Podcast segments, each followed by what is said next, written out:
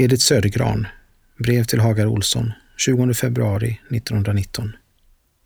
Kära lilla Hagar, tack för breven och paketet.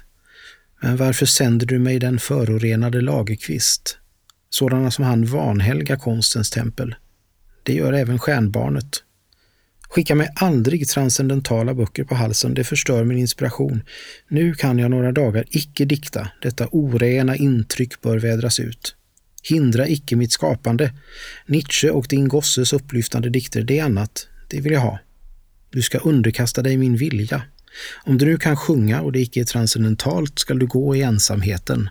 Men är det transcendentalt, då angår mig icke din bok, då vill jag önska att den förblir oskriven.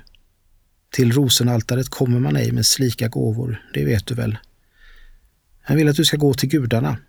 Man ser sig icke om när man går till gudarna. Om det ligger i min makt vill jag rädda din konst från det transcendentala.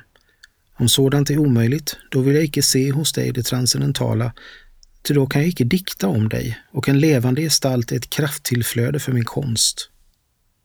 Jag vill i systern se sjöjungfrun som kan hålla en fången i många år. Guden vill jag se i henne, men icke mediet.